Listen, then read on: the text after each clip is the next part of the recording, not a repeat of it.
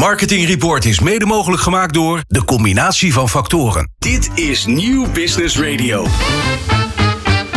Marketeers vertellen hun beste verhalen hier in Marketing Report. Het programma over media, data, marketing, communicatie en technologie. Elke derde dinsdag van de maand van half zeven tot acht. Dit is Marketing Report, een initiatief van Mediabureau Zicht en Media Meetings. Met vandaag Christa de Wal eh, van Holland en Barrett. Bram Meijer van Beyond Meat. Inge Lichthart van Dawn. En tenslotte Martin Westerlaken van Schouten en Nelissen. En natuurlijk hebben we natuurlijk ook weer eh, Zicht als eh, ja, de ziener van Zicht. Dit is Marketing Report. Met Peter Wiebinga en Bas Vlucht. Dit is Marketing Report op Nieuw Business Radio. Ja, en wat is het heerlijk om hier weer te zitten. En eh, we zien allemaal vertrouwde gezichten om ons heen. Ik vind het uh, buitengewoon plezierig. En wat ook heel plezierig is, dames en heren, dat wij hier te gast hebben Martin Westerlaken van Schouten en Nelissen. Goed dat je er bent. Dankjewel. Uh, ja, het is, een, uh, het is een, uh, een groot genoegen jou hier te hebben. en dat heeft vooral te maken met het feit dat jij als marketeer eigenlijk gewoon in een soort van snoepwinkel terecht bent gekomen. Want jij mocht gewoon eigenlijk van scratch af aan de marketing gaan opbouwen. dus dat is eventjes mijn introductie. Eerst wil ik je even vragen om, ja, of je jezelf even wil voorstellen. En, en wat je doet bij Schouten Nelissen. Ja, uiteraard. Um, ik ben Martin Westerlaken. Ik werk nu 3,5 jaar bij Schouten Nelissen. Ik ben daar na tien jaar in de loterijwereld te hebben gewerkt. gestart als adviseur marketing communicatie. Um, uiteindelijk met transitie qua merken doorgegroeid naar een lead functie in marketing communicatie. En nu uh, marketing manager. En uh, stuur daar een team aan, eigenlijk met allerlei verschillende disciplines. We hebben een online marketeer in het team, een content marketeer, een adviseur marketing communicatie. Um, dus eigenlijk alle disciplines zijn vertegenwoordigd. En ja. we zijn hele mooie dingen aan het doen. Nou, inderdaad. Uh, ik hoorde zojuist dat jullie ook een hele fantastische podcastserie maken. Ja, inderdaad. Um, ik werk bij een heel mooi familiebedrijf, wat een hele interessante ondernemende dynamiek geeft. Uh, dat was ook uh, in het begin best even wennen, maar uh, zeker heel interessant. En juist dat ondernemerschap wordt heel erg gestimuleerd. En mijn collega Willem Schouten, een van de Schouten Telgen die ja. in het familiebedrijf werkt, die heeft, ik denk vorig jaar, ja, die handdoek opgepakt om om eens een pilot met een podcastserie te gaan doen. En die wordt inderdaad onder andere vanuit hier gecoördineerd. Ja, dat wisten we helemaal niet, joh. En jij wist het ook niet, hè, geloof ik. Stiekem niet, hè? nee, maar dat geeft helemaal niet. Hey, maar, nu dus ik wist wel de podcastserie, maar nu dat, dat de coördinatie vanuit de collega hier ook ja. kwam. Want ik ken natuurlijk wel degene die hem nou ja, die de leiding neemt in de gesprekken. En uh, het wordt altijd gewoon bij ons opgenomen. Maar uh, uiteindelijk zitten de krachten hier. Uh, ja, nee, ontzettend ja. leuk om, om erachter te komen. Zeg, je praat nu over jou, jouw eigen team. over hoeveel mensen hebben we het eigenlijk binnen jullie onderneming?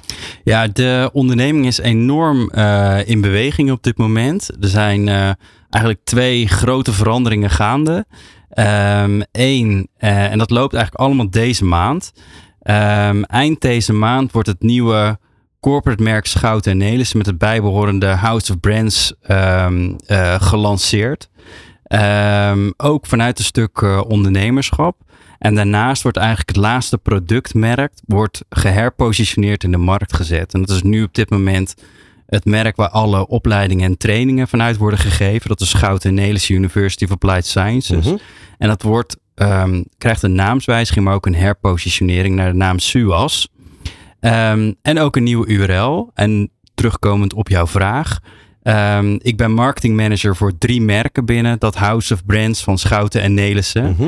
Um, en daar zit dat nieuwe SUAS-merk bij, van waaruit we die nieuwe, tenminste nou nieuwe, de bestaande opleidingen en trainingen A gaan verbreden, maar ook opnieuw in de markt gaan zetten vanuit het merk. Dus je gaat weer pionieren. Ja, en dat is dus zo gaaf van zo'n familiebedrijf.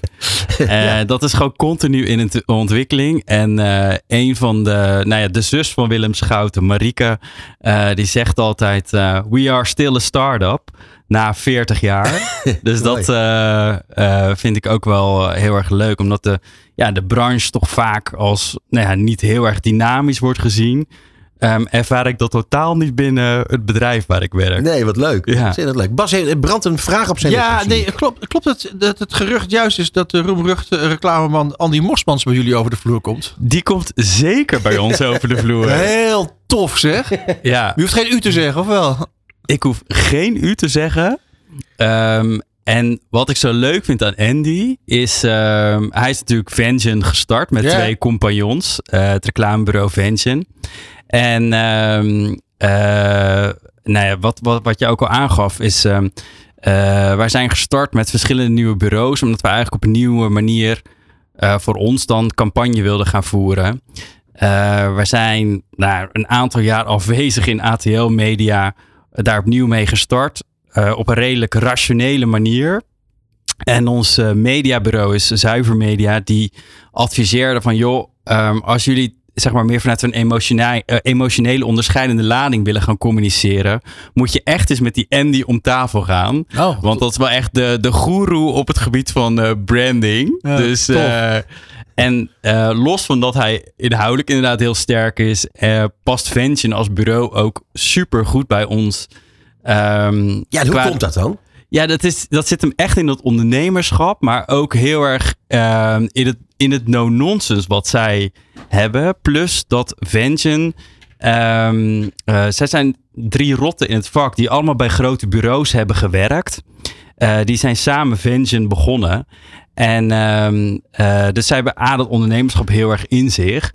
Maar kies er ook bewust voor om alleen voor merken te werken die ook een hele duidelijke purpose en maatschappelijke doelstelling hebben in hun missie en visie. En dat, Mhm. eh, ja, dat vind ik wel leuk. En eh, daarom zijn ze ook heel eh, ja, enthousiast om voor ons te werken. En het resultaat, ja, dat gaan jullie zien vanaf eh, 7 februari op radio, televisie, alles.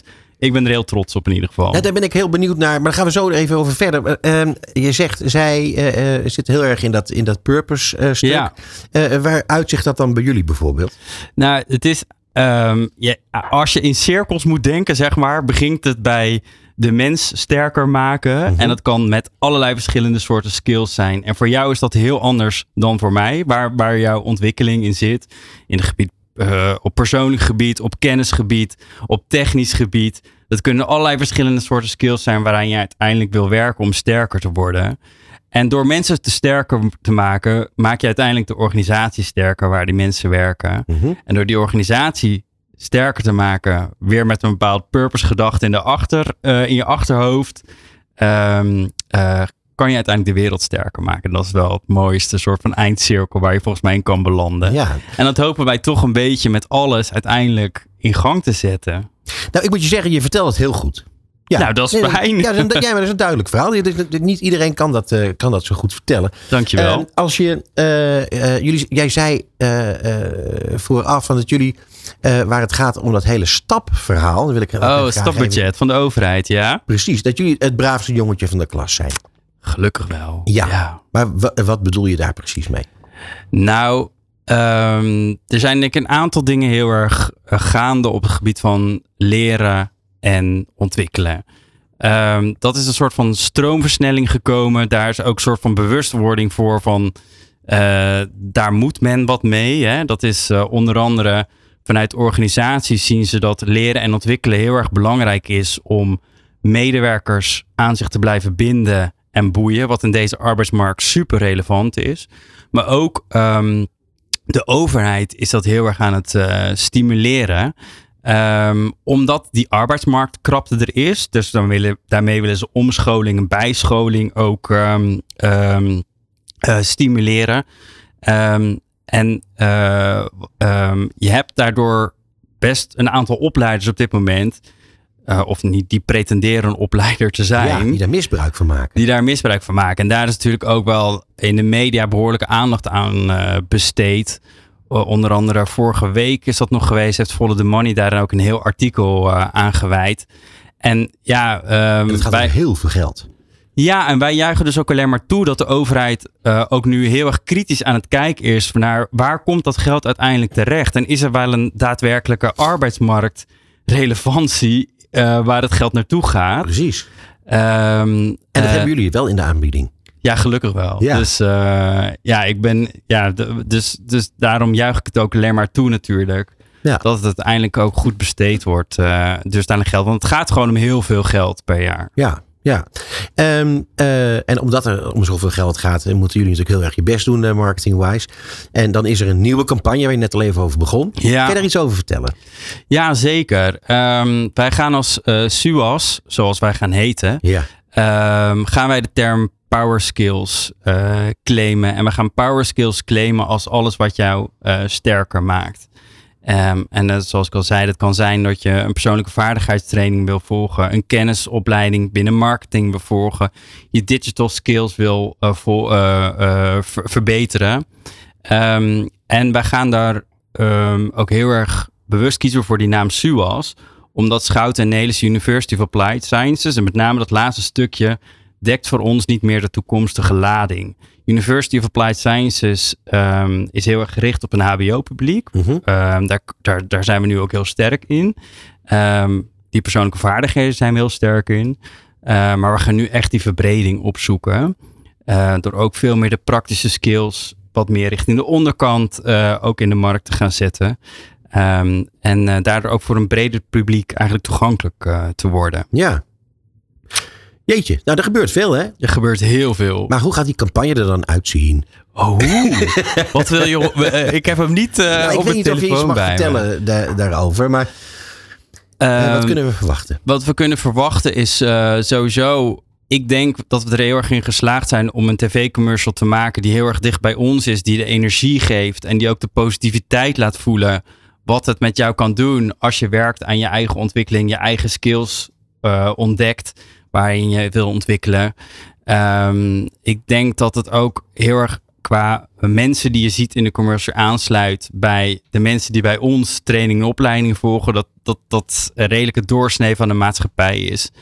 Ehm, eh, en ik denk dat we daar ook ons onderscheidend mee neerzetten ten opzichte van andere opleiders. Hey, en dan nog eventjes over crossmedialiteit, want dat vinden wij altijd een heel leuk Ja. onderwerp. Eh, welke, welke kanalen zetten jullie allemaal in? Ehm, wij zetten in eh, radio, tv uiteraard, eh, billboarding, online video. Dat zijn voor ons wel de belangrijkste manieren om de nieuwe campagne uiteindelijk te gaan laden. Je ziet dat video voor ons wel echt een belangrijke eh, vorm is, contentvorm, onze boodschap over te brengen en ook echt het gevoel over te brengen. Doen jullie ook iets met, eh, met eh, want dat hoor je nu steeds meer, met, met influencers, micro-influencers? Dat zou ik. ehm, dat heb ik echt voor mezelf nog wel als, als stipje op het eh, 2023 horizonnetje staan. Oké. Om, om eens verder te gaan ontdekken. Want je ziet dat daar gewoon superveel gebeurt. Je ziet dat, ons, eh, dat dat nog niet heel erg gangbaar is binnen onze branche. Dat andere branches lopen daar denk ik veel meer ehm, eh, in voorop. Als ik ook kijk naar mijn, eh, naar mijn vorige werkgever, hoe die dat doet met eh oudejaarstrekking eh, campagnes. Ja. Dan zijn ze daar heel sterk in. Ik, ik ben heel ehm, benieuwd hoe dat voor ons zou kunnen gaan werken. En zeker op de kaart om in 2023 te gaan onderzoeken. Nou, spannend. Martin, het zit er alweer op. Ah, jammer. Jij is gek hè? Zat er lekker in. Ja, je zat, je zat er super lekker in, mogen we wel zeggen. Eh, maar eh, ontzettend bedankt voor je verhaal. Eh, wij wensen jou alle succes met al die fantastische dingen die allemaal op je pad liggen nu. Dankjewel. En eh, wij eh, we spreken elkaar nader, dames en heren. Dat was Martin Westerlaken, marketingmanager bij Schouten en Nelissen. Dit is Marketing Report op Nieuw Business Radio. Nu eh, Christa de Wal en zij is Head of Marketing Benelux bij Holland Barrett. Welkom in de studio. Hallo. Fijn dat je er bent. Nou, eh, Christa, eh, eh, jullie hebben een, een prachtig merk. eh, een merk waar jij eh, al een tijdje voor werkt. Eh, zou jij eh, de luisteraars willen vertellen wie jij bent en wat je bij Holland Barrett doet? Ja, zeker. Eh, nou, ik ben dus Christa. Ik werk nu ruim drie jaar bij eh, Holland Bert en eh, als head of marketing. Dus ik ben verantwoordelijk eigenlijk voor het merk, voor alle promocommunicatie, voor alle campagnes, voor social media, content, ook sustainability en alle packaging. En misschien vergeet ik nog wat, maar eh, dat is een beetje het rijtje.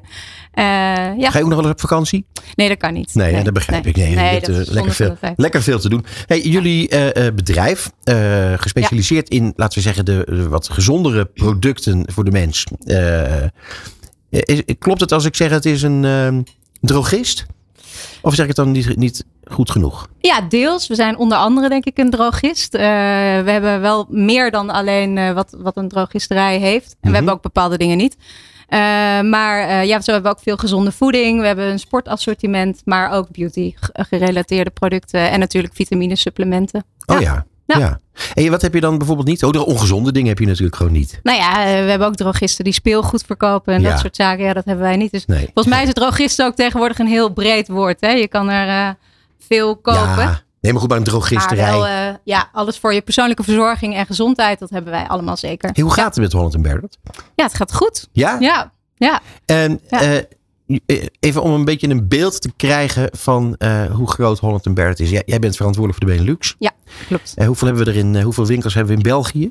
Nou, in België hebben we ruim 30 winkels Ja, en in Nederland ruim 200. jeetje. Ja, Dat is wel veel. ja we zijn best goed vertegenwoordigd. Ja. Ja. En en is dat, zit daar ook dan groei in? Want ik zou me kunnen voorstellen dat de coronaperiode, dat dat ook voor jullie een, eh, een beetje een eigenaardige tijd is geweest. Ja, dat was een hele bijzondere tijd inderdaad. Mensen waren natuurlijk wel heel erg bezig met hun gezondheid en persoonlijke verzorging. Dus eh, we zagen wel dat, eh, nou ja, we waren ook een essentiële winkel. Dus we mochten Ja. ook open blijven. Dus, dus mensen wisten ons zeker wel te vinden. Dus, maar het was natuurlijk wel een hele bijzondere tijd. Zeker in de allereerste pandemie. Toen waren de vitamine C en D's natuurlijk echt niet aan te slepen. Nee, nee. En er hoefde maar één arts bij eh, een een of andere talkshow iets te roepen. En, en nou, we waren weer out of stock met een aantal eh, producten. Ehm, ja, dus, dus we hebben daar wel Behalve heel... de, de sportproducten, zeg Ja, maar. ja, nee, sport Toch? lag even op zijn gat. Ja. Ja, want de sportscholen waren dicht. Dus, Ja. ja. ja, dus, dus daarvoor we verkochten wat minder eh, cre- creatines en proteïnes Ja. eh, op dat moment. Maar eh, nou ja, goed, op een gegeven moment kregen we er natuurlijk wel hè, met z'n allen. eh, We hadden een lockdown 3, 4, dus we, daar gingen we weer. ja. Eh, en wat wel mooi is, we hebben er ook wel heel veel van geleerd. Dus ehm, eh, wat je merkte was dat eh, mensen ook bezig waren meer met preventieve gezondheid. Want we zagen met z'n allen dat eh, de, de zorg was gewoon niet eindeloos. Hè? Dus eh, waar we voorheen dachten van die lossen alles op. Dat Ja. was gewoon niet zo. En, ehm, en dat zagen we terug. Dus mensen zijn bezig meer met gezond blijven. En dat, eh, ja, dat, dat zagen wij bij, uh, bij Holland terug. Dus daar wilden we ook echt wel op inspelen. Om veel meer op die preventie te zitten. Dan, eh, dan achteraf beter maken. ja. En eh, dat proberen we nu dus ook te doen. We hebben bijvoorbeeld nu een, pi- een pilot gestart eh, in zeven winkels met Health and Happiness Studios, zoals dat zo mooi heet. Waarin mensen echt een uitgebreid consult kunnen krijgen over wat ze. Eh, ja, van, je- er is bijvoorbeeld een bodyanalyse. Dus je kan eh, kijken van, nou ja, hoe, hoe zit het met mijn vetcellen en, en waar, waar kan ik verbeteren? Maar ook bijvoorbeeld een, een skin-analyse van je huid. Wat voor producten moet ik dan gebruiken?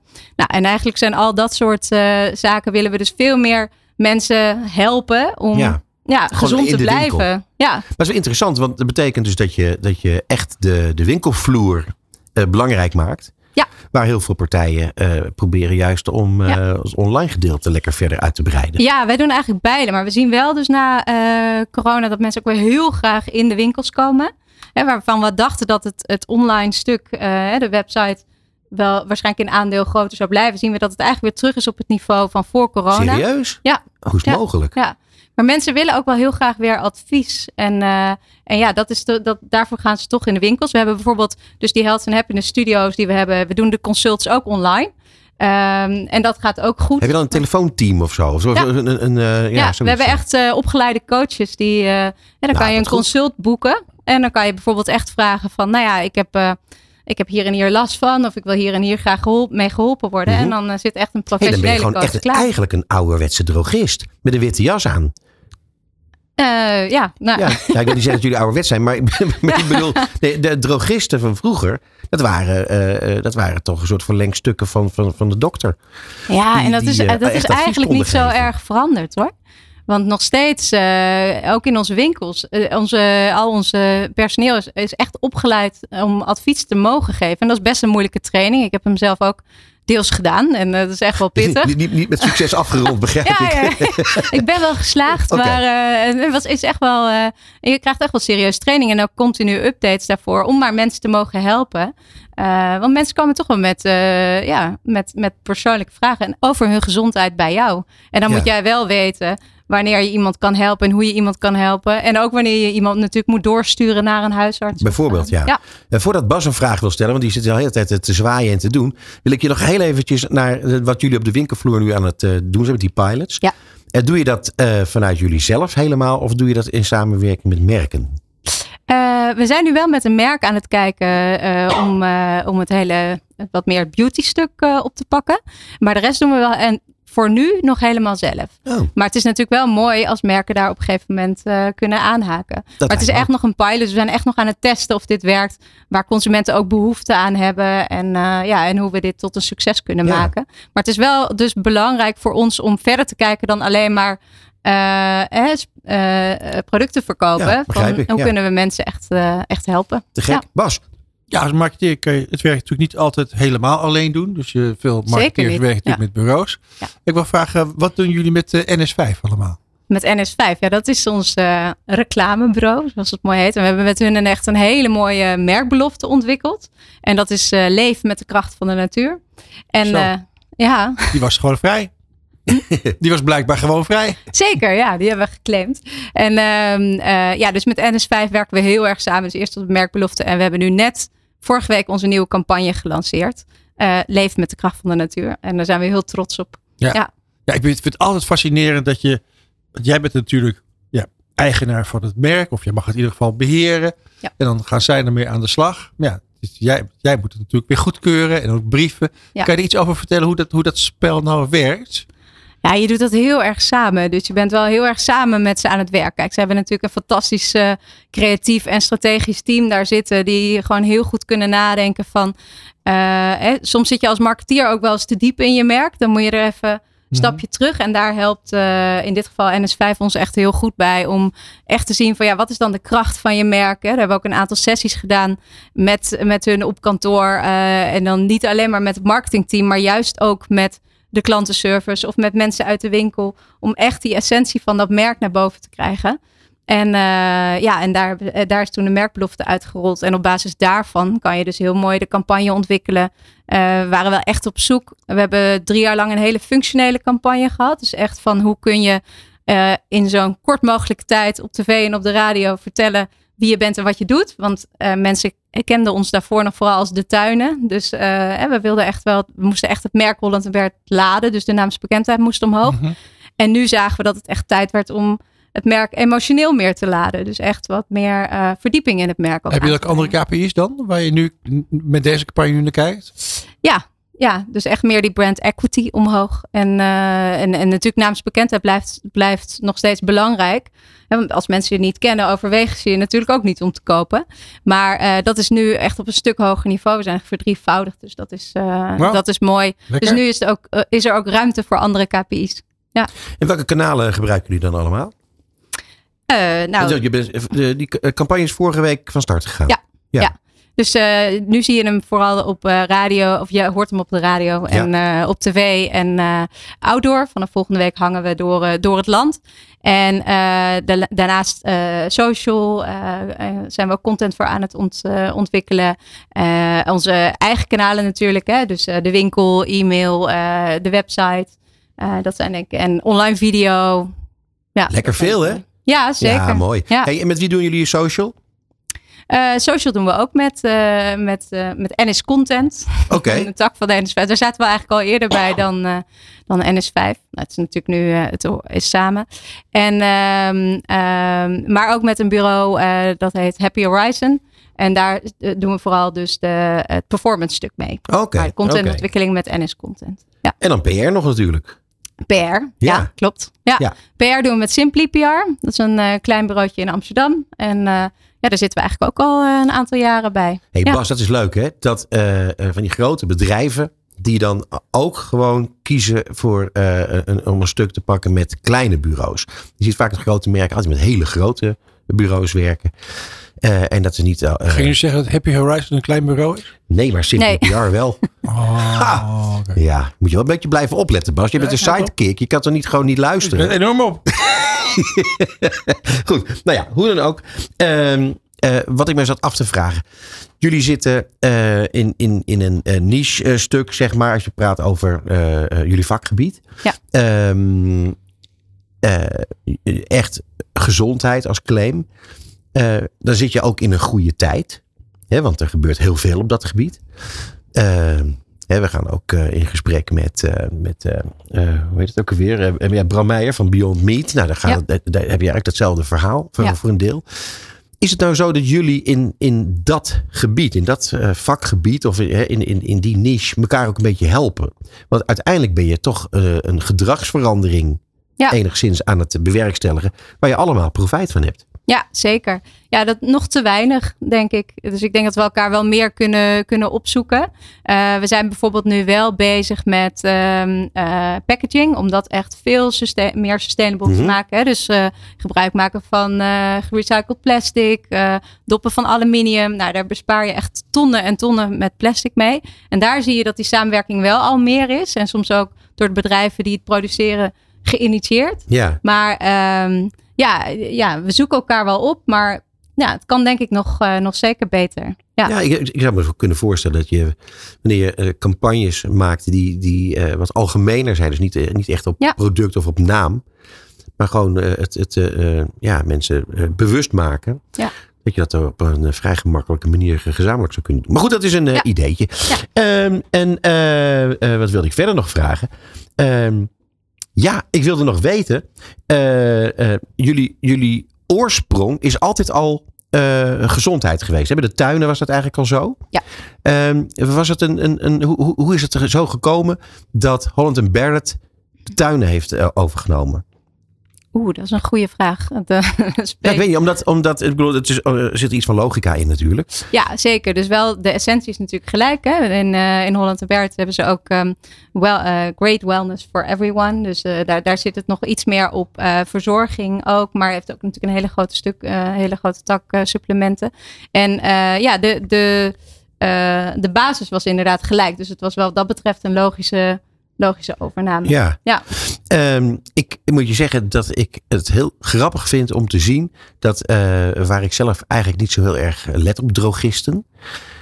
Dat Holland en Bert mij wel enorm is opgevallen in het winkelbeeld. Eh, en op de een of andere manier ook ergens anders. Maar ik, ik kon dat niet precies duiden.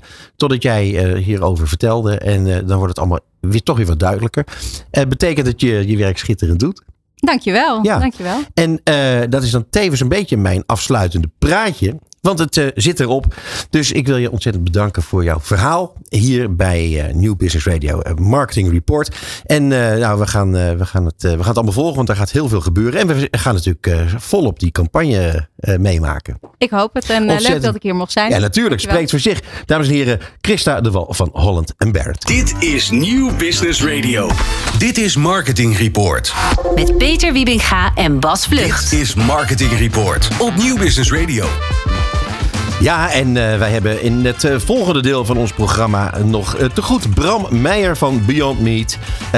Inge Lichthart van Dawn is hier te gast. En we gaan nu eerst even wat anders doen. Marketing Report. Zicht op media. Ja, Zicht op Media. En eh, dat doen wij dit keer met Christian van Dijk van Zicht. Eh, Zij wisselen elke keer een beetje af. Ja. Eh, bij Zicht stikt het van de zieners, zou je bijna kunnen zeggen. Nou ja, Nou, Nou ja, toch wel een paar hele goede zijn er.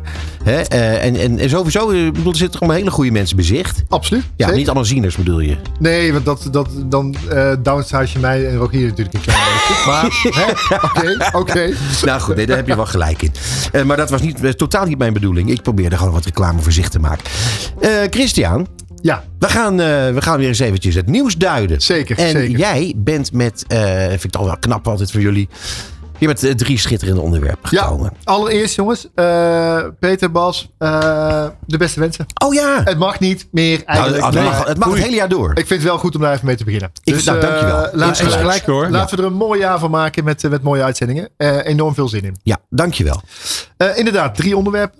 Eh, ik moest heel hard lachen vorige keer toen Rogier hier zat. En toen zei hij nog van ja, wat elke keer terugkomt, wat een beetje een soap gaat worden in Nederland.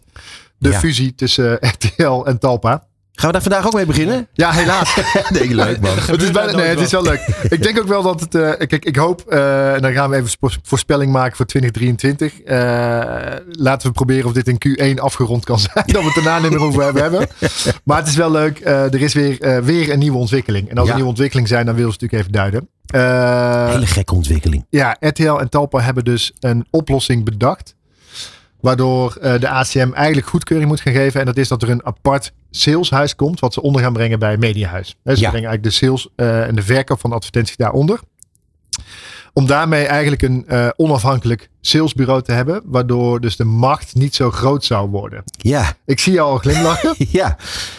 Van waar de glimlach? Nou ja, omdat uiteindelijk een lood om oud ijzer is natuurlijk. Ja, zo voel ik hem eigenlijk ook een beetje. Ja. En wat, hebben- dit, dit onderwerp komt natuurlijk al langer terug. Wat eh, een paar maanden geleden ook aan bod kwam, is dat we toen ook gekeken hebben naar de Franse situatie. Daar is eigenlijk dezelfde situatie en die lopen eigenlijk een half jaar voor. Ja. Daar hebben ze ook een soortgelijke oplossing aangeboden om eh, te zeggen van nou we halen het verkoopkanaal eruit. Die is door de Franse autoriteit, organisatie ook niet goedgekeurd.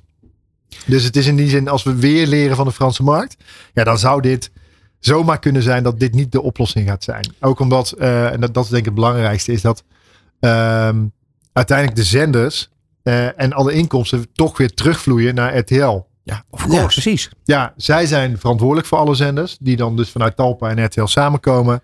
Voor de programmering. Eh, Zij kunnen programma's van de ene zender naar de andere zender overhevelen. Ja. Eh, Ja, Dus en, ja, het wat, geld, wat, en het geld komt van links of van rechts of uit het midden. En het komt allemaal op dezelfde plek terecht. Maar was het niet gewoon veel, als ze dan hadden gezegd, we geven Sky Radio terug en Mediahuis, dan komt het toch al vandaan. En we doen er ook eh, Radio 10 erbij. Wat had dat niet meer, eh, meer zo aan de dijk gezet? Ja, dan pak je natuurlijk alleen het radiostuk. En ik denk dat, dat dit groter is en eh, met name op tv eigenlijk uitgevochten gaat worden. Eh, wat wel is, hè, dat, dat, dat, dat blijft, vind ik jammer, is dat ze alleen kijken naar dat stuk. En dus niet vergeten waar het ooit voor bedoeld was. Althans, zo is het natuurlijk verteld. Laten we nou eens opboksen tegen de internationale grote techpartijen. En dat, dat neemt in dit verhaal, krijgt dat eigenlijk geen plek. En dat, Nee. dat vind ik, blijf ik altijd jammer vinden. Want dat is nog steeds iets waar we in Nederland best wel trots op mogen zijn. Dat we daar ook de Nederlandse partijen gewoon een plek willen geven. Mag ik als, als ziener dan eh, een vraag stellen? Ja, Ehm, denk jij dat volgende maand we het hier weer over gaan hebben? ja. dan zit er ook Hiri, die Ja. gaat het hierover hebben. ja, nee, weet je dus, nee, die gaat het hier zeker over hebben. Ik hoop dat er dan meer bekend is. Wat wel is, is dat, eh, eh, dat, dat vond ik wel, weet je, het, het, het is een beetje een soap aan het worden. En je ziet toch wel dat de Nederlandse mediamarkt veel eh, ja, partijen heeft, veel politiek zit erin. Wat mij opviel aan deze move is dat ze hiermee DPG wel volledig buiten spel hebben gezet. En Ja. dat, dat strategische, tactische in dit, dit spel en dit verhaal vind ik altijd wel mooi om, eh, om te zien. Eh, want zij wil natuurlijk eigenlijk ook overnemen. Maar eh, als ze het bij onderhuis, onderbrengen bij Mediahuis, ja, dan staat DPG echt aan de zijlijn. Zeker, ja. Misschien zelfs op de tribune. Maar niet te klappen. Ik denk niet dat ze staan te klappen. Nee. Nee, nee. maar dus die, zullen, die houden het natuurlijk ook goed in de gaten. En ja, de- deze voelt een beetje als van oké, het is een redmiddel. Ik weet niet of de, de Maar een beetje, een beetje aan de doorzichtige kant. Ja, eens. Ja. Eens. Nou ja, goed, en dat Franse voorbeeld, dat vind ik dan toch wel interessant. Ik bedoel, daar wordt toch ook naar gekeken? Ja, dat zou je zeggen, ja. Ja. Dus, dus, dus dan weet je toch ongeveer wel wat je kunt verwachten. Ja. En, en zo worden er elke keer stappen gezet. En ik denk van joh, dit schiet toch helemaal niet op zo. Nee, nee, daarom. Dus dat kan ook, eh, kan ook zomaar zijn. Ik weet wel dat ze. eh, dus de vraag ligt nu ook weer bij de mediabureaus. Wat die ervan vinden. Eh, om te kijken hoe zij hiermee om kunnen gaan. Wat, wat zijn daar de belangen? En Hé, dat is leuk. Je bent zelf een mediabureau. Wat vind je ervan? Oh ja, dat is waar. Nee, ja, eh, wat ik, ik, volgens mij heb ik het al duidelijk gemaakt wat ik ervan vind. Oh, Eh, wat grappig is dat Zicht natuurlijk een iets andere positie heeft dan eh, bijvoorbeeld de grote internationale bureaus. Dus eh, voor ons maakt het eigenlijk al niet uit waar wij inkopen. Eh, dat is voor grote internationale bureaus wel anders, want die hebben daar gewoon eh, ja, andere belangen bij om een inkoop bij één partij neer te leggen of bij een andere. Ja. Wij hebben dat vanuit Zicht Ik natuurlijk heb nog een vraag. Ja, even heel praktisch. Uh, Mediahuis gaat dan, dat krijgt dat in de schoot geworpen dan eigenlijk. Die gaan die verkoop doen. Ja. Hoeveel procent mogen ze dan houden voordat ze het doorsturen naar Sven? niet. Ja, nee, dat, dat durf ik geen uitspraak over te Wat zeggen. zou je Maar, redelijk vinden? 5%? Of is dat te veel? Nee, ik denk dat dat te weinig is. Te weinig? Ja, dat denk ik wel. Ik denk Ja, ik dat los van Mediahuis daar niet voor maar gaat gewoon doen. echt gewoon van, van, van de cash die binnenkomt, hoeveel ze dan Mogen achterhouden 10? Eh, nee, nee, ik denk dat dat meer gaat zijn. Nog meer? Ja, ik denk het wel. Weet je, als, uiteindelijk is het, eh, wat volgens mij mee gaat spelen in zo'n deal is ook dat het natuurlijk, eh, als dit de oplossing is, dan is de oplossing ook wat waard. Ja. En ik zou dit niet zomaar accepteren voor een habbekrats. Dat zou ik als mediahuis niet gaan doen. Dat, gaat, voor- dat is voor Mediahuis. Je zit wel, als het doorgaat, briljant. Eh, Nog die krijgen, omzet eh, binnen. klopt, klopt. Ja, dus eh, nee, dat is ja, voor hun is het heel interessant als Ja. dit wel doorgaat. Ja. Maar eh, als je nou dat allemaal heel redelijk bekijkt. eh, zou het natuurlijk ook nog zo kunnen zijn dat dit allemaal een soort van window dressing is. En dat er op de achtergrond een heel ander verhaal wordt georganiseerd. Want Ja, is- dat- ik vind dit echt een beetje raar. Het, het sleept heel lang. De kansen dat dat allemaal goedgekeurd wordt, die zijn helemaal niet zo erg groot. Nee. Eh, dus wat speelt hier? Hoe, er worden eh, stappen gezet die eigenlijk gewoon niet opschieten. Hè, het, het, zijn geen stappen voorwaarts. Het, zijn, het is een beetje opzij stappen de hele tijd. Ja. En dan denk ik, ja, misschien zijn ze wel bezig met een, met een compleet ander soort eh overnameverhaal. Misschien een buitenlandse partij. Ja, wat, wat daar speelt weet ik niet. Eh, maar ik snap wel wat je zegt. En ik, daar ben ik het ook wel deels mee eens. Dat er, het lijkt wel alsof dit onderdeel moet zijn van... Oké, zodra wij die goedkeuring hebben... kunnen we ons plan gewoon verder Uitrollen. vormgeven Ja. en uitrollen. En Ja. of dat nou is dat ze zenders af, ehm, eh, afstoten... en met een gewoon harde grote kern overblijven... dan zou dat zomaar kunnen. Maar dat is natuurlijk niet iets wat je nu in de plannen kan zetten. Want dan krijg je een heel ander verhaal. Zeker, Ja, daarom. Dus daarom, eh, ja. nee, dat, dat, dat, dat is een. eh, helaas heb ik die glazen bol ook niet. Eh, maar dit, hebben dit wel- speelt wel mee dat we die hier elke maand over gaan hebben. Nou dat ja, dat, ik- sowieso. dat- ik moet je eerlijk zeggen, ik vind het ook ontzettend leuk, eerlijk gezegd. Ja. ja. ja, dit is echt een goede soap, toch? Ja, vind, ik ook. wel, ja. Vind ik ook. Dat is we hebben hartstikke misschien leuk. geen glazen bol, maar we kijken er toch in. Exact, Ja. exact. Hey, dat is een mooi bruggetje, Ja, eh, die glazen bol. Want ik wil het heel kort even hebben. eh, nog twee onderwerpen namelijk. Heel Ja. kort even over de kijkcijfers. Ja. Eh SKO-onderzoek is weer uitgekomen. Volgende week komt er een heel uitgebreid onderzoek. Maar de eerste cijfers laten al zien dat de kijkcijfers wederom gedaald zijn. Als het gaat om lineaire tv. Ja. Niet heel verrassend, denk ik. Nou, ik weet het eerlijk gezegd niet. Maar nou nee, eigenlijk is dat niet Nee. verrassend. Ja, dus de, stij- de daling was eh, iets minder in coronajaren. Want toen zat je nou eenmaal Tuurlijk. thuis. Toen moest je door. Ja. Hij is weer terug op het oude niveau. Dus de Ja. daling is weer sterker geworden. Ehm, ja, dat, dat, ik denk dat dat voor dit jaar nog steeds zorgwekkend gaan blijven. Wat je wel ziet is dat de, de kijktijd op eh, streamingdiensten en uitgesteld kijken wel enorm aan het groeien is. Ja. Dus die, die eh, wip en die balans, zeg maar, die loopt steeds verder uit elkaar heen. En dat ga je denk ik ook wel blijven zien. Dus voor dit jaar, als we dan toch in die glazen bol moeten kijken, verwacht ik dat de kijkcijfers absoluut weer dalen. Maar Speelt de- ook mee dat, dat Ja. eh, twee seconden, dat Ja. de, we hebben geen sportjaar Nee. dit jaar, zijn geen grote evenementen. Dat is wel leuk, want ik had even het lijstje erbij gepakt van de top 25 van best bekeken programma's. Vraag aan jullie, van de eerste 10, hoeveel daarvan waren sportprogramma's? Eh, alle tien. Ik denk ook alle tien. Ja, daar zit je er niet ver naast, maar waren er zes. Oh. Eh, Oh, met name, journaal natuurlijk. ja, Ah, met, exact, name het voetbal. Een suggestieve vraag. Ik dacht, jullie kennen mij natuurlijk ook wel een beetje nu. Nee, veel voetbal. Er zat een schaatswedstrijd bij. En de rest is twee keer journaal. Wie is de mol? En eh, nog eentje. Nou ja, nog één. Nog eentje. Boer zoekt vrouw, uiteraard. Oh ja, natuurlijk. Dus je ziet dat als die, eh, ja, als die grote sportprogramma's wegvallen. Want die, die wedstrijden trekken gewoon 3, 4 miljoen kijkers. Ja. of zelfs meer.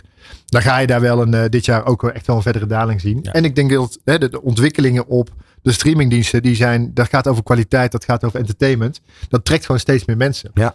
Ja. En dat gaat denk ik ook voor adverteerders. eh, dat heeft los van de kijkcijfers te maken. Maar adverteerders zullen daar ook naartoe gaan trekken. Zeg, Dat is de Christian, als ik het nou even plat sla. De ster die gaat de tarieven dit jaar met 25% omhoog uh, verhogen. Ja, ongeveer. Ja. Nou, zeg, grosso modo, eh er gaan 5% minder mensen lineaire televisie kijken. Dus grosso modo, als je als adverteerder iemand wil bereiken via eh, Ster, dan kost het dit jaar gewoon 30% meer. Je bent veel geld kwijt, ja, klopt. Ja. En, dus, en je ziet ook wel dat het eh, bepaalde adverteerders afgestoten heeft. Hè, het hogere prijsbeleid. Omdat die toch al, die zaten al op een max van de budget. En die denken, oké, dit heeft geen zin meer. En die zoeken naar alternatieven. En die alternatieven zijn er ook. Hè. Rogier stipt dat vorige maand ook al aan. Eh, het is de vraag aan de mediabureaus om daar creatief mee om te gaan. En echt te kijken naar, eh, naar andere alternatieven. En dat Ja. kan online video zijn. Dat kan dus de mogelijkheden bij uitsteld kijken bij streamingdiensten zijn. Om dat op die manier op te pakken. Interessant. interessant. Ehm, Eh, hey, Sprongetje naar het laatste. Ja, precies. Het Ja. laatste onderwerp, jongens. ChatGPT. Ja, echt Eh, geweldig. Ja, ik vind het hilarisch. Ik ook. Ehm, trending op Twitter. eh, het komt overal naar voren. Gisteren bij Nieuwsuur zag ik het al voorbij komen. Ehm, daar ging het met name even over scholieren en studenten die hele scripties laten schrijven Ja. door ChatGPT. Ja. Dat is fantastisch. Ik heb vandaag even geprobeerd om mijn verhaaltje hier ook via ChatGPT te laten schrijven. En?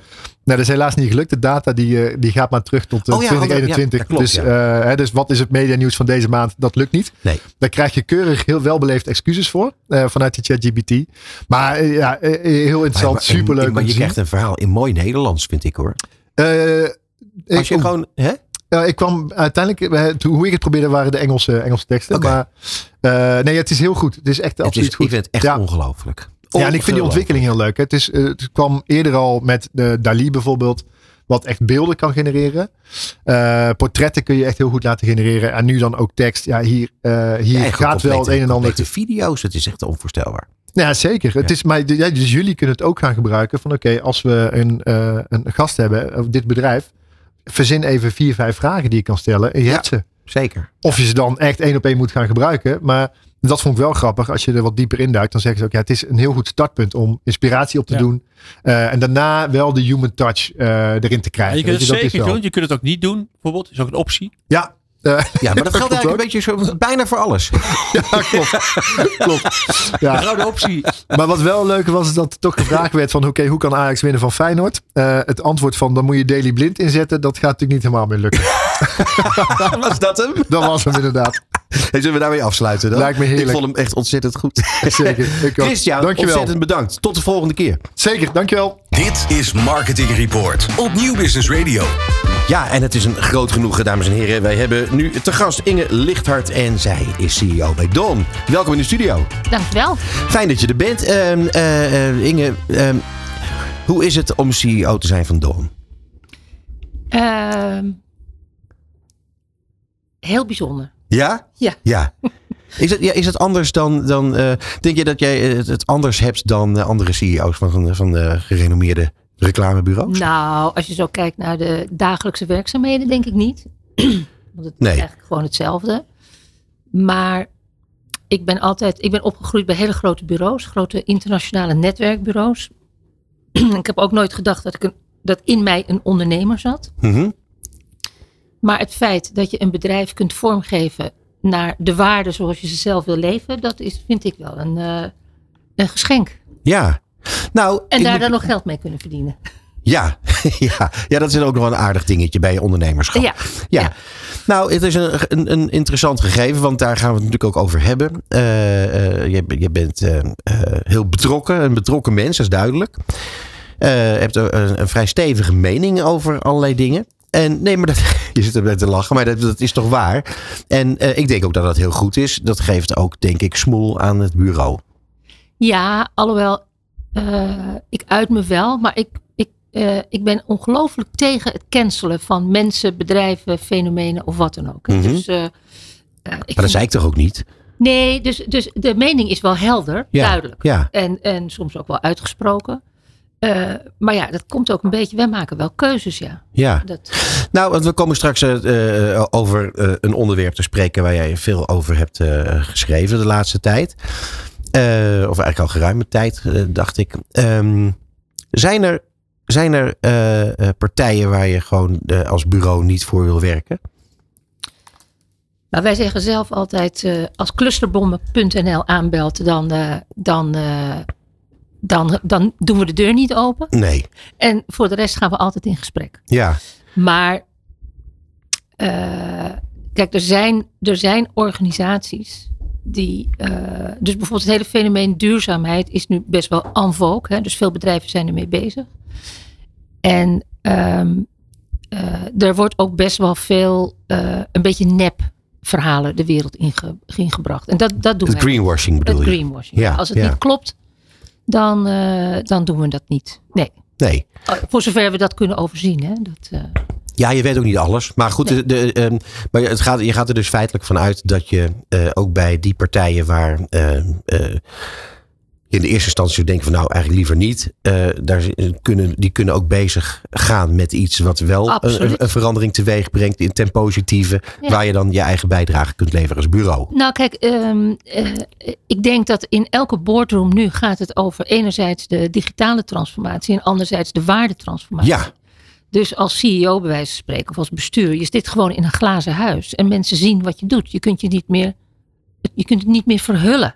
Weet je, wat je intenties zijn, wat je missies enzovoort. Dat is juist geweldig. Dat is geweldig, vind ik ook. Ja. Ja, ja, dat, dat dwingt eigenlijk bestuurders ook veel meer. eh, dat je je niet meer verschuilt achter je bestuurder zijn. Maar dat je daar ook als persoon en als mens. Ja, eh, ik had vandaag een gesprek met een vriend van mij en die, eh, die had over Shell. En hij zegt, goh, weet je hoeveel Shell van de investering gaat naar duurzame energie? En hij zegt, dat was maar 16% Ik vond dat heel erg veel. Maar ja, het is ook een beetje van je perceptie van, eh, van hoe, je, hoe je ernaar kijkt natuurlijk. Nou ja, Shell is natuurlijk een heel interessant merk op dat gebied. Ehm, ik denk dat toevallig hadden we het net aan tafel over, over ik zou bijna zeggen nepvlees, maar dat slaat natuurlijk nergens op. Maar over. Vleesvervangers. Vleesvervangers, dat is het woord. En ehm, nou ja, vijf jaar geleden eh, was ik niet heel graag voor een McDonald's of een, eh, een Burger King gaan werken. Mhm. Ja, dat heeft A te maken met eh, kinderen slecht laten eten en B ook met dierenleed. Ja. Maar als je nu ziet de ontwikkelingen. eh, met Burger King heeft het van het hele menu voor elke optie een vegan optie. En ik denk, ja, deze partijen heb je nodig om de verandering, die moet uiteindelijk door het midden gaan. Want als hij aan de flanken blijft hangen, gebeurt er niks. Hè? En, dus, en ons doel is wel positieve verandering. Ja, en ik kan daar eigenlijk behoorlijk enthousiast van worden. Dus, en Shell, eh, Shell is, vind ik een gewetensvraag. Want als Shell echt zijn schouders zet onder eh, het eh, afscheid nemen van fossiele, fossiele brandstof en meer naar duurzame brandstof gaat, ja, dan maken zij natuurlijk een gigantische impact. Hè, dat gaat Ja. zo hard. Dat is Maar maar ja. ja, denken, de belangen zijn zo groot. Ja, Ik denk dat ze wel geen keuze hebben, dat snappen ze zelf ook wel. Over 50 jaar kan je niet nog een keertje olie pompen.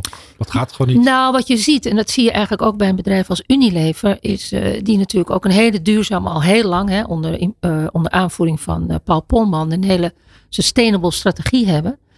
Maar die zitten eigenlijk een beetje in een spagaat, omdat de aandeelhouders, die geloven er niet in. En eh, ja, dus ze hebben eigenlijk. Ja. En nu is wachten op het tipping point dat in de markt bij de consumenten het gaat naar de grote massa. Dus dit, dit is lastig. Ja. Timing is everything. Ja, dat is waar, ja. Ja, en dan, eh, dan eh, zou ik toch eigenlijk ook even willen beginnen over hetgeen waar jij zoveel over hebt geschreven. Namelijk de enorme hoeveelheid reclame voor online eh, gokken, gokspellen. Ja, eh, dat was. Nou, het is niet dat ik een soort kruistocht begonnen ben of zo. Maar het leek er wel een klein beetje op. Ja, ik heb me dit weekend uitgesproken. Ja, en het was een beetje. Ik zat zaterdagochtend de krant te lezen. De Volkskrant was het. En daar stond een column in van Merel van Vroonhoven. Dat is iemand waar ik wel bewondering voor kan hebben. Dat is een eh, voormalige bestuurder, CEO, die eh, het basisonderwijs in is gegaan. Mhm. Oh ja, zij ja. Ja. En eh, zij schreef een artikel over dat ze zo ontzettend verbaasd en eigenlijk ook wel boos is over dat eh, de toezicht vanuit de overheid op het online gokken zo ongelooflijk slecht geregeld is. Mhm. En ja, ik was dat met haar eens. En als je dan ook leest dat een vijfde, dat er is een enorme groei, toename van gokkers, hè, online gokkers gekomen, met name in de jongere doelgroepen. En eh, ondanks de regels dat je 18 jaar of ouder moet zijn, zijn er 15-jarigen die een schuld van 75.000 euro hebben.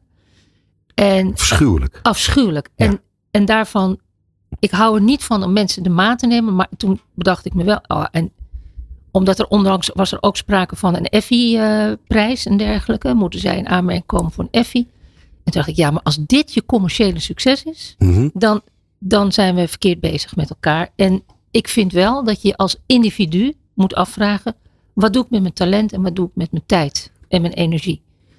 En eh, ja, als het resultaat is dat er een enorm probleem is ontstaan onder kinderen, tieners, die gigantische schulden hebben, omdat dat online gokken is overal. Het is op straat, het zit in hun telefoon, het zit als in het stadion zijn. Het is nu verboden, hè? dus Ja. geen, per 1 januari dit jaar geen ongerichte reclame. Nou goed, mijn oproep was eigenlijk, goh, als die bureaus, die media-exploitanten, de mediabureaus en de reclamebureaus die hier zoveel winst op gemaakt hebben, dat nou stoppen in een fonds om die kinderen en hun ouders te helpen, dan wel in een campagne om eh, te waarschuwen tegen online gokken. Want geheid dat de overheid over twee jaar die gaat eh, brieven aan een bureau. Ja, dat denk ik ook, ja. Dus ik zou zeggen, pak die handschoen op. Ja, mooi. Ja, dat is een mooi verhaal. Hoewel ik me overigens trouwens wel afvraag, heel eerlijk gezegd, hoe het kan dat iemand zo'n grote schuld opbouwt. Want je moet toch, dan moet je toch eerst geld hebben om, om te kunnen gokken, lijkt mij. Maar goed, dat even terzijde. Eh, ja, eh, creditcards. eh, ik, hoe dat werkt weet ik eigenlijk ook niet. Maar het schijnt te kunnen gebeuren. Dus, Ja. Maar al is het geen 75.000 euro. Al is het 200 euro. Het is Ja, niet oké. Nee, het is niet. Nee, ik begrijp wat je zegt. Eh, ja, nou ja, goed. Maar het is een, het is een, maar het, is- het, eh, het is een mooi, eh, aanleiding, mooie aanleiding om te praten over hoe jij in het vak staat en hoe jij als CEO voor, voor je bedrijf staat. Ehm, want uiteindelijk is dit verhaal is een, een, een toch wel exemplarisch voor hoe je hoe je, je bureau wil vormgeven. Ja. Geldt dat ook voor de mensen die bij jou, bij jou werken? Absoluut. Misschien Ja? nog wel meer dan voor mij. Echt waar? Ja, dat, omdat je dit zie je ook heel erg terug bij een jongere generatie. Hè? Die maken hele andere keuzes eh, waarvoor ze willen werken. En eh, ja, dus, dus ik zei dat ik het een geschenk vond. eh, omdat het leuk is om te, men- te werken met mensen die echt allemaal intrinsiek gemotiveerd zijn. Ja. Hè, terwijl ze allemaal hele nette salarissen verdienen hoor. Dus dat, dat is allemaal niet. Maar het, zijn het is geen vrijwilligerswerk, integendeel. En eh, kwaliteit staat nog steeds bovenaan. Maar dat is, dat is prettig. En daar zit veel energie op. Merk Ja. je ook dat de klantvraag in de afgelopen vijf jaar veranderd is? Dat merken jouw klanten iets anders van jou willen dan een paar jaar geleden? Ja, absoluut. Eh, kijk, wij zijn een bureau die echt wel gaat voor de lange lijnen. Hè? Dus merkbouw, geeft opnieuw een fundament. Eh, de naam Dawn staat eigenlijk voor een nieuw begin. Hè? Dawn is het moment op de dag vlak voordat de zon opkomt. Ik weet niet of je dat weet, maar dan maken alle vogels heel veel lawaai. En als hij er dan is, dan stopt het. En het is het moment, dat is eigenlijk nog, dan heb je een, eh, wat de Engelsen noemen, een clean slate. Dan kan nog alles, alles is nog mogelijk.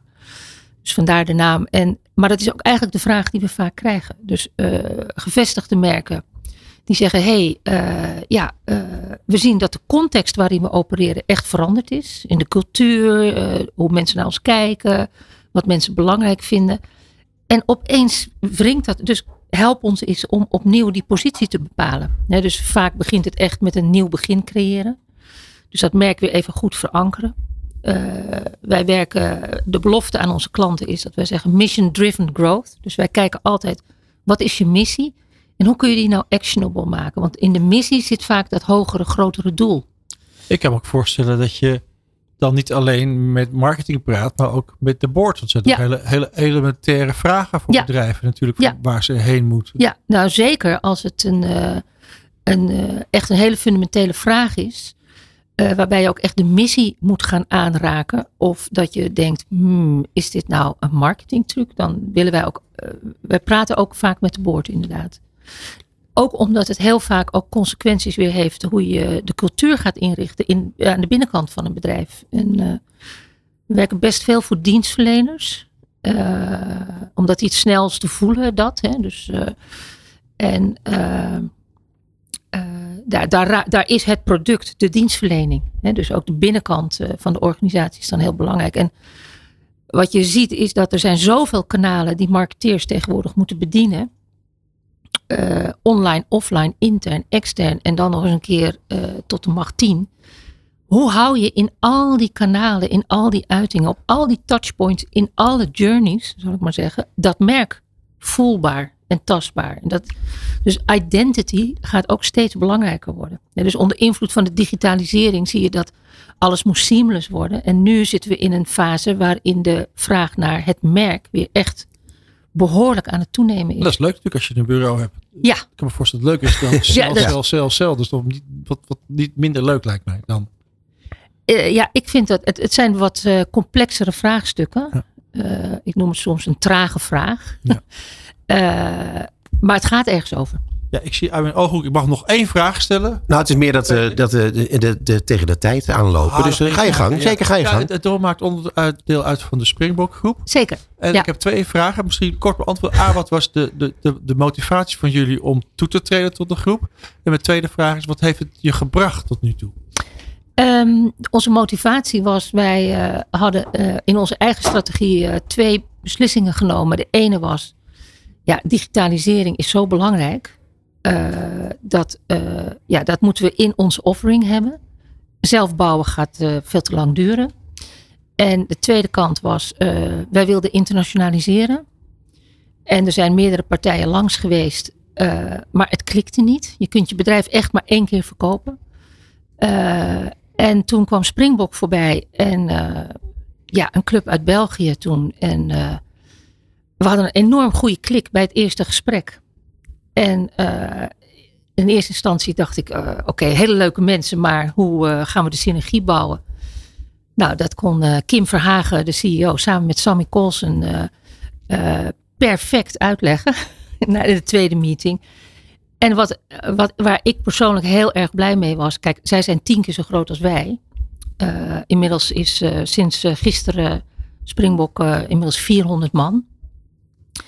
En, maar ze hebben wel onze positionering helemaal overgenomen. En dat is best bijzonder. En ik ben ongelooflijk blij verrast. Het is eh, nou, nu ongeveer een jaar geleden de overname. Hoeveel er veranderd is in die organisatie. En eh, hoeveel wij kwijt kunnen van ons gedachtegoed. En dat we dat samen nog beter kunnen maken. En ook een hele digitale offering wordt erop aangepast. Ja, ik, ja, voor mij is het een nieuw avontuur. En voor mijn partner. Eh, Inge, je zegt eh, blijf verrast, maar je bedoelt natuurlijk ook heel erg trots. Ja, Ja. mega. ja, natuurlijk. Inge, ontzettend bedankt voor je komst naar eh, Hilversum, naar onze studio. En eh, wij hopen je snel weer te spreken. Dank voor zo, tot zover. Dankjewel. Dit is Marketing Report op Nieuw Business Radio. Ja, en eh, het is een verrukkelijke uitzending, dat mogen we wel vaststellen. Met allemaal geweldige gasten. En eh, als laatste gast hebben wij Bram Meijer. En hij is van Beyond Meat. Welkom in de studio. Dankjewel, leuk om hier te zijn. Nou, eh, Bram, ehm, Beyond Meat is een, eh, een, een, een interessante onderneming. Hè, jullie hebben een, een hele serie schitterende producten. Waar meer mensen van gehoord hebben dan ze denken. Schat ik zo eens in. Maar misschien is het handig als jij jezelf heel kort even introduceert. Ja, ik ben eh, Bram Meijer. Ik ben eh, Regional Marketing Director eh, bij Beyond Meat. Sinds eh, 2019. Ik was de eerste hire in, in Europa. En eigenlijk vanaf het begin Beyond Meat hier, hier opgezet en het marketingteam gebouwd. En Beyond Meat ehm, maakt vlees van planten. Ja, maar het is toch heel bijzonder dat jij, want je stapt er zo even gemakkelijk overheen. Maar de eerste werknemer in Europa. Hè? Ja, ja. Ehm, Maar hoe, hoe, eh, eh, heb je daarvoor gesolliciteerd? Of belden ze op? Of kwam je ze toevallig tegen op het strand? Ja, nee, het, was, het, het kwam allemaal heel mooi samen. Want ik zat bij Nestlé. Eh, ik was daar ook marketing director van een eh, plantaardig merk, Garden Gourmet. Ik had naar mijn zin. Ik zou naar Zwitserland eh, gaan. En eigenlijk kwam dit langs zij. En dit was wel een beetje een keuze tussen of meer ondernemen... of meer, nog meer corporate naar het eh, hoofdkantoor van Nestlé. En eh, ik heb dat natuurlijk thuis eh, overlegd met mijn vrouw. En, eh, eh, en ook meer mijn eigen drijfveer om meer te gaan ondernemen. En ja, dat werd helemaal beantwoord. En dan ook nog in het blijven in het plantaardige segment. Dus eh, meer doen eh, met, eh, met wat ik leuk vond. Zeg ook En, eh, aandelen? ja, zeker. Oh, ja, ja, ja, ja, ja, want het was, ik, ik ben net iets te laat ingestapt na de beursgang. De beursgang Oh. was eh, net nadat ik begon. Maar eh, nee, het is wel onderdeel van, eh, van het ondernemen en het, het bedrijf te laten groeien. Eh, al is het aandeel significant gekelderd. Maar nee, het is, het is een fantastisch bedrijf. significant gekelderd. Dat gaat er als een, als een tierenlier. Ja, het is op de hoogtijdagen naar 200 dollar gegaan en nu staat het op 15 dollar. Dus, en dat is eigenlijk natuurlijk, dit soort aandelen zijn redelijk volatiel. En Kijk, ehm, zeg, zo ja. in de statement. ja, Ja. ja. je ziet algemeen natuurlijk een eh, daling van eh, in de aandelenmarkt. Maar nee, wij hebben redelijk harde klappen gekregen. Ja. Nou ja, maar we gaan het daar niet over hebben. Want Nee. we gaan het hebben over, eh, over jullie producten en over marketing. Ehm, eh, eh, ik vond het namelijk zo interessant. Jullie hebben een, eh, laten we zeggen, een product wat niet erg lijkt op de meeste vleesvervangers. Want jullie eh, hebben toch echt wel een product wat lijkt op vlees. Wat de, de, de, eh, de bite heeft van vlees, de structuur van vlees eh, eh, eh, sterk benaderd. Eh, en de smaak eveneens. ja, Dat is toch heel knap? Ja, eh, wij noemen ons product ook geen vleesvervanger, maar wij noemen ons pro- product vlees. Ja. En, eh, plant-based meat. En eh, dat is ook echt eh, de doelstelling van het bedrijf om eh, de massa te bereiken met een, eh, met een plantaardig eh, alternatief. En eh, ja, ik denk dat wij de, eh, de eerste waren die daar eh, zo dichtbij kwamen. En dat is ook wel het mooie van het merk en de producten. Dat eh, de, de, de consument dat ook echt herkent. Elke blind taste test winnen we. En de, de Beyond Burger is ons hero product. En, en die doet het gewoon heel erg goed. Wat een goede naam zeg. Die Beyond Burger. ja, Ja, dat ja. Had, had sowieso ik voor zouden willen hebben. Ik wil even, even naar, naar, naar, een, naar een anekdote die zojuist heeft plaatsgevonden waar ik naast zat. Dus, dus de luisteraar Ja. heeft het eerste hand. Wij eten hier eh, met onze gasten krijg je niet een gewoon kopje koffie. Je moet op de gang wachten. Nee, die wordt hier ontvangen met een diner. Altijd. Al, al vijf jaar lang. En dat wordt nu verzorgd door de catering van Zicht. En sinds een paar maanden eh, doen we dat vegetarisch. En jij zat hier de hoofdmaaltijd te eten. En ik hoor jou zeggen. hey, dat is volgens mij ons, ons eigen product wat ik proef. en het was ook zo. Ja, ja, Ja, nee, maar heel tof. Ja. Het was het, het, eh, het minste, het, eh, ja, het, eh, het gehakt. gehakt. gehakt. Ja, Ja. ja. Ja, Ideaal product, heel eh versatile. En inderdaad eh, voor dit soort eh, gerechten eh, waar doorgaans eh, dierlijk eh, gehakt in zit, is dit eh, de, de, de ideale vervanger. Ja. Nou, inderdaad ideaal, want ik vond het ontzettend lekker.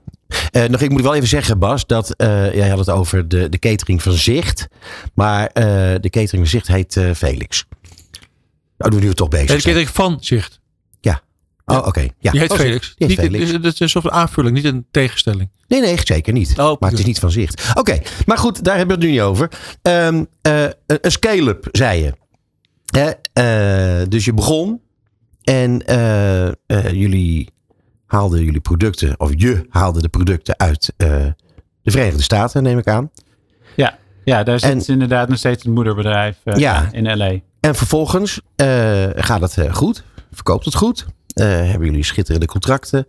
Eh, en dan eh, kan je waarschijnlijk niet alles meer blijven importeren. Nee, dus de, de- inderdaad, in de, de eerste eh, instantie. Hoe zag het hele verhaal eruit, dat ik zeggen? in de eerste instantie hebben we het product eh, geïmporteerd om eh, de eerste vraag te, te voldoen. En al, al snel eh, bleek die vraag niet, eh, ja, was niet bij te benen. Dus we zijn eh, eh, snel overgegaan op lokale productie. Dus we hebben nu ehm, het basisingrediënt wordt in Enschede gemaakt. Alle eh, producten die eh, bijvoorbeeld de, de gele erwten, wij gebruiken geen soja in onze burger en andere producten, maar het zijn gele erwten komen bijvoorbeeld uit Frankrijk. Dus we hebben nu een hele lokale end-to-end. Met eh, Enschede een productiefaciliteit. En dan ook in Zoeterwoude, waar een fabriek staat. En eh, die wordt gerund door, eh, door Zandbergen. En, ehm, en zo hebben we eigenlijk alles eh, lokaal weten te krijgen. Dus dat is natuurlijk ook ja, wat je wil bereiken als je verder wil groeien en de lokale markt wil bedienen. En dit is natuurlijk het, ja, zoals de, de, de toekomst eruit zou moeten zien om, om harder door te groeien. Ja, schitterend. Zeg, die, die, die gele erwten.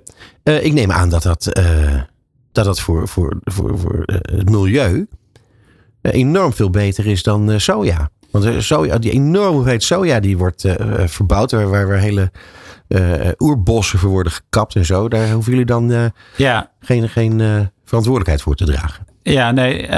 soja, dus. ehm, soja, als je kijkt naar de sojaproductie, die vooral heel negatief is. Dat je hebt de feed en food. Feed gaat naar, naar de dieren. En 95% van, van sojaproductie eh, is voor, eh, voor dieren. Ja. En dat is vooral eh, gerelateerd aan ontbossing. Maar de hele perceptie van soja is daardoor ook best wel negatief. Ehm, maar wij zijn er vanaf het begin al, we hebben naar de consument geluisterd. Wat wil de consument? En dan zie je ook, niet alleen in Europa, maar vooral ook in Amerika, dat uh, gele ert een veel beter alternatief is. En als je daar ook de juiste smaak en de juiste textuur. Want, Precies, die textuur is ontzettend belangrijk. Klopt, klopt, ja. ja alle elementen, de multisensorial experience noemen we dat. Met uh, smaak, textuur, de geur, et cetera. Dat, dat, alles moet zo dicht mogelijk bij het vlees komen, het, het dierlijke vlees.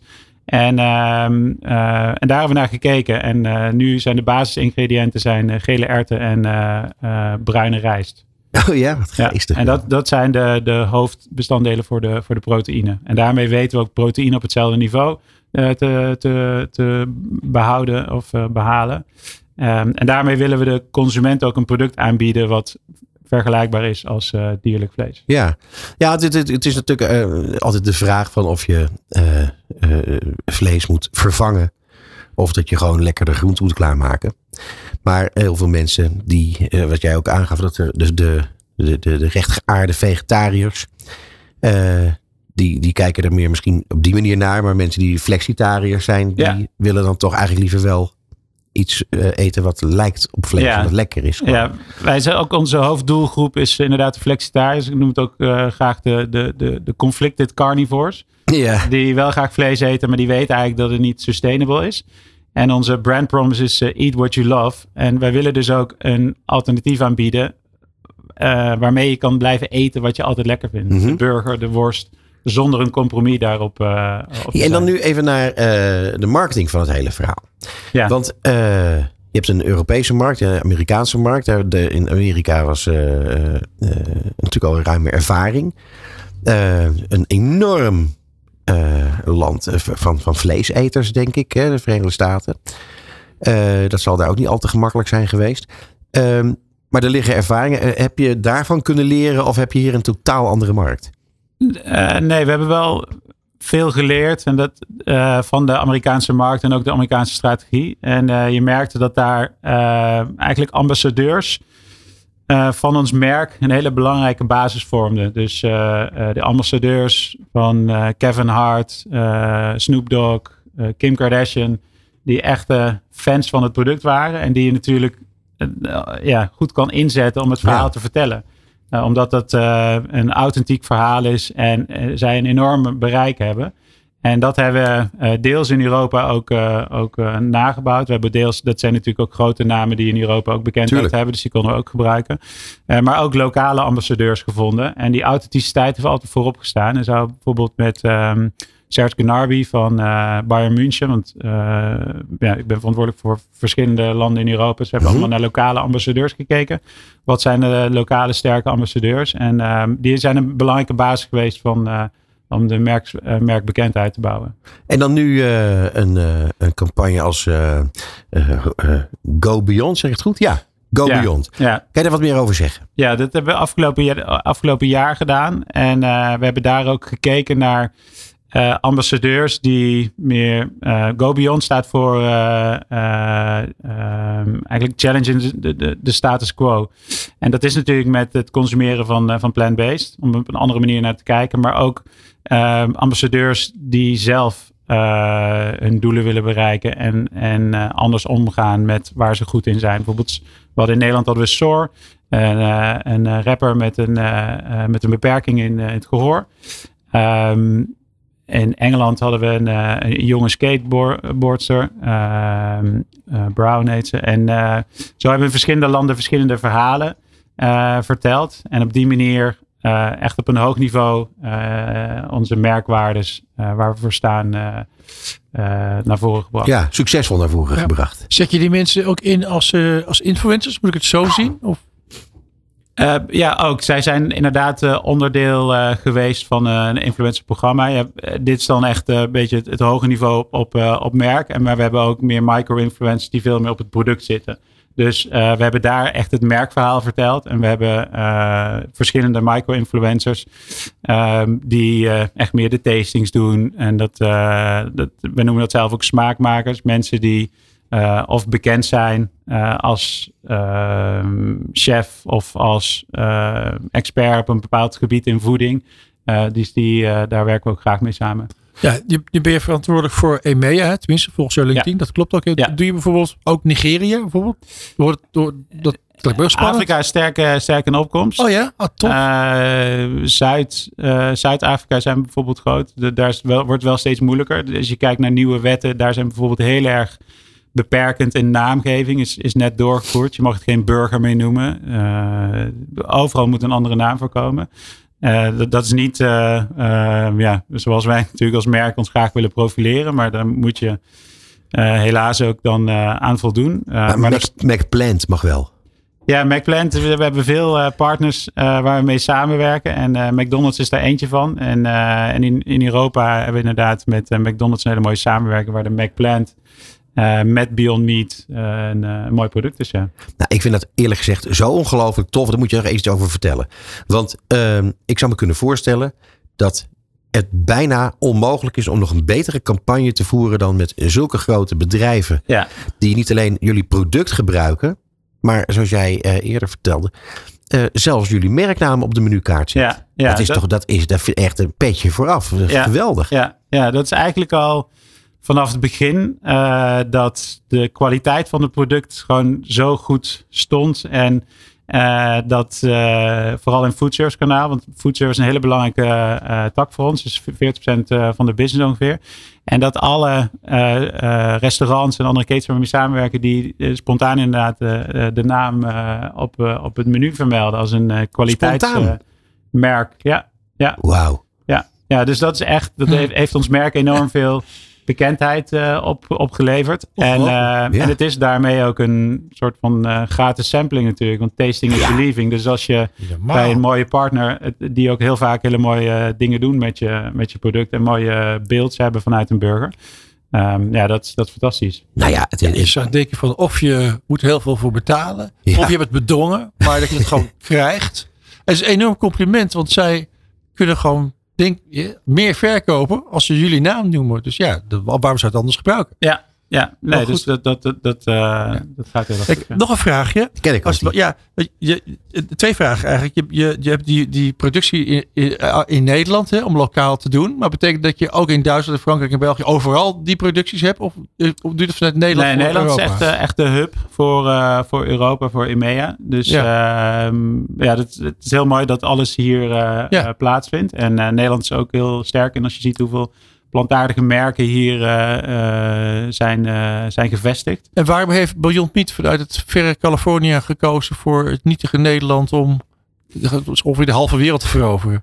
Ja, dat is eigenlijk via onze eh, distributiepartner en ook co-manufacturer Zandbergen. Die was, was een van de, van de eerste eh, vleespartners, want zij verkopen ook dierlijk vlees. Ehm, Haarlem, die- hè? die Als ik me niet vergis. sorry? Grote Enschede. fabriek in Haarlem. Oh, Enschede. Nou ja, Zandberg is een grote familie met heel veel verschillende. Oh, oké. Maar dit is eh, ehm, in eh, Zoeterwoude. Oh, En, en die waren de eerste die het product eh, importeerden. En eh, die het hier op de markt hebben gebracht. En uiteindelijk eh, eh, zijn zij ook voor ons het eh, product gaan produceren. Het, het laatste stuk en verpakken. Ja. Eh, ten slotte, het is misschien een vraag waar je geen antwoord op kunt geven. Maar het lijkt mij heel interessant om te weten hoe ontzettend veel eh, dieren nog in leven zijn. Of in elk geval niet zijn doodgemaakt door, dat, door hetgeen jullie intussen allemaal gemaakt en verkocht hebben. Ja, ja ik, ik, kan daar geen nummer op plakken. Maar als je wel kijkt, wij doen eh life cycle analysis, LCA's. En ehm 99% eh, minder water, minder land, et cetera. Dus eigenlijk is het ongeveer een beetje 1 op 10.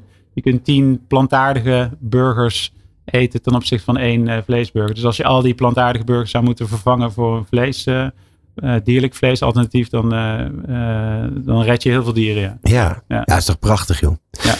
Het is een prachtige ontwikkeling. Ik vind het eerlijk gezegd ook een heel mooi verhaal. Fijn dat het eh, zo goed gaat. Ik hoop dat jouw eh, aandelenpakket nog eens een keer eh, flink gaat stijgen. Maar dat zal wel met alle inspanningen die jullie verrichten. Ontzettend bedankt voor jouw komst hier naar Hilversum in onze studio. Bram Meijer van Beyond Meat. Dankjewel. Bas, Ja, wat was dat toch weer een lekkere uitzending man. Ja, ik wil wel, wel protest maken tegen die laatste uitspraak van, eh, van Bram Meijer over het redden van dieren. Kijk, als mensen vegetarisch worden, worden die dieren gewoon helemaal nooit geboren. Dan worden ze ook niet gered natuurlijk. Maar dat is een detail. Nee, maar je zou wel kunnen zeggen dat er eh, eh, heel veel dieren minder doodgemaakt zijn. Ja, dat is wel waar, maar niet gered.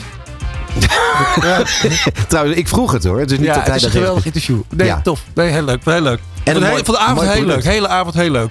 Ja, precies. Nou ja, laten we het eventjes hebben over eh, eh, bijvoorbeeld Inge. Inge Lichthart Ja. van Dawn. Dat is toch wel grappig hoe iemand eh, eh, ondernemer is geworden in het, eh, in het reclamevakgebied. Ja. Loopt al een hele tijd mee. Grote bureaus gewerkt. Ja. Wordt ondernemer, verkoopt het bureau. Maar wat een, een, een gedrevenheid. En ja, ik, ik vond het heel, een heel fijn gesprek. Waarbij, ja, waarbij hele belangrijke onderwerpen daar hoog in het Ja, vaandel zij staan. vertelde iets wa- wa- wat ik, wat ik eerst dacht dat ik het niet goed hoorde. Want zij zei, ja leuk, wij werden overgenomen door Springbok. Nou, we weten allemaal, dat is een joekel van een bedrijf. Oorspronkelijk vanuit België. En die hebben onze propositie overgenomen. Ik dacht, ah, sympathiek dat ze hun, hun propositie niet vernietigd hebben, maar in stand hebben gelaten. Nee, die hele bureaugroep, Ja, precies. al die bureaus, die hele identiteit, die hebben hun propositie overgenomen. Als je op een complimentje verlegen zit, zeg, dat is toch fantastisch? Ja, niet normaal. Maar ja, Echt ik, heel denk, tof. ik denk als je echt ergens voor staat en, en dat heb je aan je bureau weten mee te geven. En dat werkt heel goed. En alle mensen die daar werken, die zijn, zoals ze het zelf aangaf, eigenlijk nog veel, veel sterker daarin dan zij. Ja, dan is dat iets wat, eh, wat eh, klaarblijkelijk eh, voor, voor, die Ja. hele, voor de hele Springbok goed Wat ik ook heel leuk vond. Mooi hoor. hoe, dat, in die zin is het soms, soms, heel soms, jammer dat we geen televisie maken. Maar hoe stoïcijns Inge was. Jij hebt een vlotte interviewer. En hey, hoe is het om een CEO van Springbok te, zo'n- van de Dawn te zijn? En toen was het, was het stil. Ik denk, god, doe die microfoon het niet. Maar zat ze gewoon na te denken. Toen zei ze, heel gedeciteerd, geweldig. Ja. Maar ik moest echt, ze zat echt te denken, wat zou ik nou zeggen? Ja, Geweldig. Ja, nou ja, en eh, dan geeft, dat geeft dan nog extra veel waarde aan het woord geweldig. Nou goed, Ja. Eh, Bas, ik wil nog even snel naar eh Christa de Wal. Ja, Eh, van Holland en Barrett. Ja, leuk hè? Ja, echt wel tof. Ja, mooi hè? Het zit ook wel een beetje een, een parallel met eh, Beyond Meat. Ik bedoel, ze zijn allemaal aan het werk aan, eh, aan een betere wereld, aan gezonde Ja. dingen. Ik vond wel een beetje dat je, dat je, dat je wel de, de term drogist wel wat aan haar hebt opgedrongen of zo. Want ze zei, zijn je een drogist? Nou ja, dat was eigenlijk nuanceren. Ze zegt, nee joh, je bent gewoon een drogist.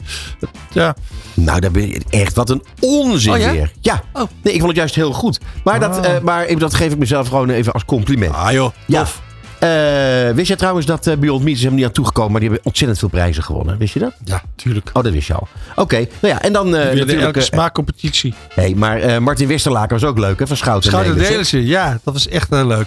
Hij deed het goed. Hij, hij was eigenlijk, ik vond hem een eh, radiotalent. Eh, Absoluut. Ja. Eh, nou ja, goed. Dus eh, eh, eh, wat ik dan eigenlijk heel graag willen doen, is al eh, onze gasten bedanken. En eh, eh, ja, weet je, het, was, het was weer een heerlijke uitzending. En dat hebben we mede te danken aan niemand minder dan Ron Lemmens. Ron, weer fijn dat je erbij was, jongen. Eh, jij bent toch eh, de technicus van Nederland. Oké, dames en heren, dank voor het luisteren. Heel graag tot volgende maand. Tot zover Marketing Report op New Business Radio. Alle gesprekken zijn terug te luisteren via podcastkanalen als Spotify, Duke of Apple Podcasts. Komende maand zijn we er weer op de derde dinsdag van de maand tussen half zeven en acht uur. Tot Rotterdam.